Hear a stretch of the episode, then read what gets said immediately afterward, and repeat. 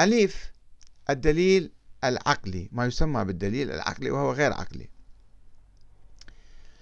ينطلق الشيخ المفيد في محاولة إثبات وجود الإمام الثاني عشر مما يسميه الدليل العقلي وهو عبارة عن مجموعة مقولات كلامية فلسفية واهية حول ضرورة الإمامة الإلهية. وبالرغم من أنها مقولات افتراضية وهمية لم يقم عليها دليل ثابت إلا أن المفيد يحاول أن يستولد منها ابنا للإمام العسكري بالرغم من إرادته وخلافا للظاهر من حياته. فيقول من الدلائل على ذلك ما يقتضيه العقل بالاستدلال الصحيح من وجود إمام معصوم كامل غني عن رعاياه في الأحكام والعلوم في كل زمان.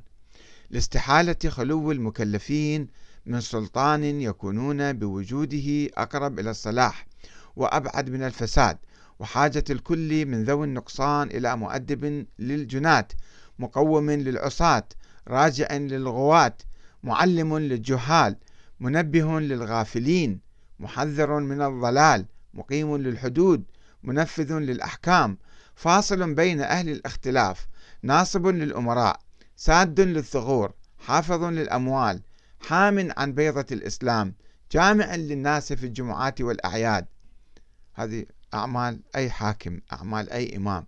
هذا الإمام المثالي الذي يحلم به الشيخ المفيد ويقول ما دام الإمام عندنا ضرورة وقيام الأدلة على أنه معصوم بالارتياب ووجوب النص عليه على من هذه سبيله من الأنام أو ظهور المعجزة عليه لتمييزه ممن سواه وعدم الصفات من كل أحد سوى من أثبتت إمامته أصحاب الحسن بن علي وهو ابنه المهدي.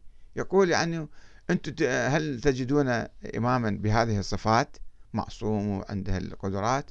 لا أحد يدعي. فإذا آه، ثبت كلامنا اللي إحنا ندعيه. وين أيضا غير موجود. ويقول وهذا أصل لن يحتاج معه إلى رواية النصوص. بعد ما يحتاج نجيب لكم أي حديث وأي نص. وتعداد ما جاء فيها من الأخبار. لقيامه بنفسه في قضية العقول وصحته بثابت الاستدلال. هذا أكبر دليل وأقوى دليل إحنا عندنا أنه بالعقل وبالفكر وبالافتراض فإذا لابد أن يكون واحد موجود. إذا هذا هو ابن الحسن. شوفوا شلون منطق. هزيل حقيقة. وكما يلاحظ هنا فإن المفيد يستخدم الدور الباطل حيث يحاول إثبات وجود ذلك الإمام المفترض بفرضية الإمامة ويستشهد عليه بما يدعي بعض أصحاب العسكري حول إمامة ابنه المهدي علما بأن الإقرار بهذه الإمامة لا يدل على ولادة ذلك الابن.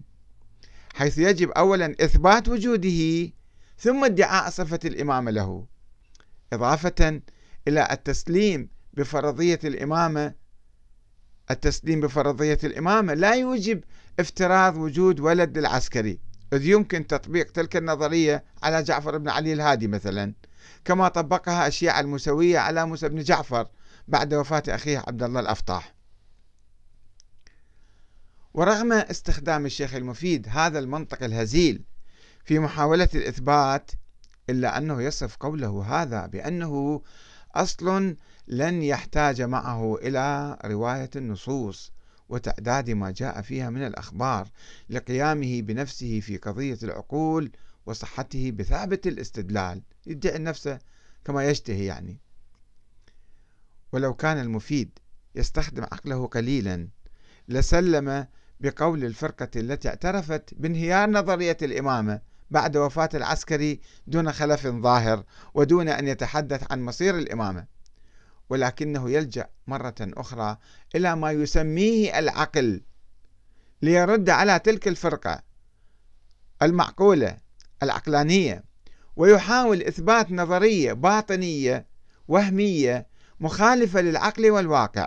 فيقول أما الفرقة الأخرى التي زعمت أن الإمامة قد بطلت بعد الحسن فإن وجوب الإمامة بالعقل يفسد قولها وقول, وقول الله يوم ندعو كل أناس بإمامهم وقول النبي من مات وهو لا يعرف إمام زمانه مات ميتة جاهلية وقول أمير المؤمنين اللهم إنك لا تخلي الأرض من حجة على خلقك إما ظاهرا مشهورا أو خائفا مغمورا لئلا تبطل حجج تبطل حججك وبيناتك.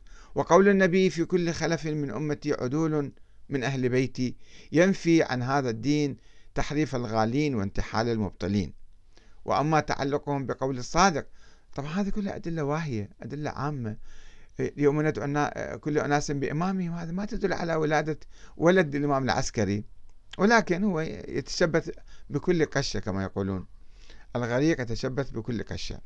وأما تعلقهم بقول الصادق إن الله لا يخلي الأرض من حجة إلا أن يغضب على أهل الدنيا. يعني انتهت الإمامة. فالمعنى في ذلك أنه لا يخليها من حجة ظاهرة بدلالة ما قدمناه فلازم من أول الكلام يعني. لقد اعتمد الشيخ المفيد على حديث من مات وهو لا يعرف إمام زمانه ماتة مات ميتة جاهلية. وقال عنه إنه خبر صحيح يشهد به إجماع أهل الآثار. وقال في كتاب الإفصاح إنه خبر متواتر وأمر إسناده مفروغ منه وأن القرآن يشهد لمعناه في آيات صريحة منها قوله تعالى يوم ندعو كل أناس بإمامهم وقوله تعالى فكيف إذا جئنا من كل أمة بشهيد وجئنا بك على هؤلاء شهيدا وأضاف المفيد لم أرى في ولد العباس ولا في ولد علي ولا في قريش قاطبة من هو بتلك الصفات؟ فعلمت بدليل العقل أن الحجة غيرهم. ولو غاب ألف سنة. طيب كيف عرفت هذه الحجة نفسه هو؟ يضيف الشيخ المفيد وهذا كلام جيد في معناه إذا تفكرت فيه. لأنه إذا قامت الدلالة بأن الأرض لا تخلو من حجة وأن الحجة لا يكون إلا معصوما من الخطأ والزلل لا يجوز عليه ما يجوز على الأمة وكانت المنازعة فيه لا في الغيبة فإذا سلم ذلك كانت الحجة لازمة في الغيبة. وذهب المفيد باستدلاله العقلي بين قوسين نحطه بعيدا ذهب بعيدا حتى قال إن الجهل بالإمام يخرج صاحبه عن الإسلام. ولكنه استدرك قائلا إن مدلول الخبر هو لزوم وجود الإمام. مدلول الخبر. يعني إذا يأصر الخبر حتى يطلع من عنده في الإنسان. هو لزوم وجود الإمام ولزوم معرفة المسلم به ولم يتضمن وجوب ظهوره وعدم غيبته. طيب ماذا نفعل بالإمام الغائب اللي ما حد ما شايفه؟ وأن نفس معرفتنا بوجوده وإمامته وعصمته وفضله وكماله تنفعنا بأن نكتسب بها الثواب والأجر لامتثالنا لأمر الله بذلك. ثم أن انتظارنا لظهوره عبادة نؤدي واجبا إليها فرضه الله علينا. يعني طيب ما هي مهمات الإمام؟ ماذا يفعل هذا الإمام؟ ما هي المسؤوليات المطلوب منها يحققها؟ هذه كلها نساها الشيخ المفيد بعد ذلك. ويبدو أن الشيخ المفيد شعر هنا بضعف دليله العقلي.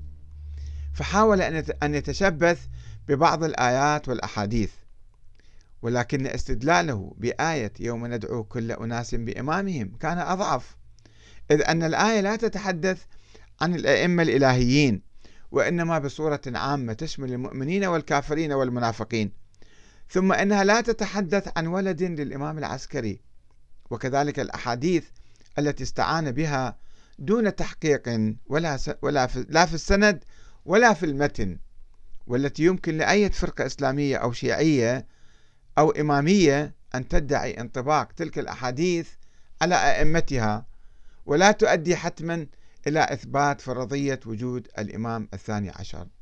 الخليفة العباسي يستطيع أن يقول من مات ولم يعرف إمام زمانه ماتت ميتة جاهلية والخليفة الفاطمي نفس الشيء يقول والحكام الزيديون يقولون. فكيف يستدل بأدلة واهية واهية واهية جدا ويسمي هذه الأدلة أدلة عقلية. هذا هو الدليل العقلي الذي يتشبث به آه، الشيخ المفيد والمنظرون لوجود الولد الإمام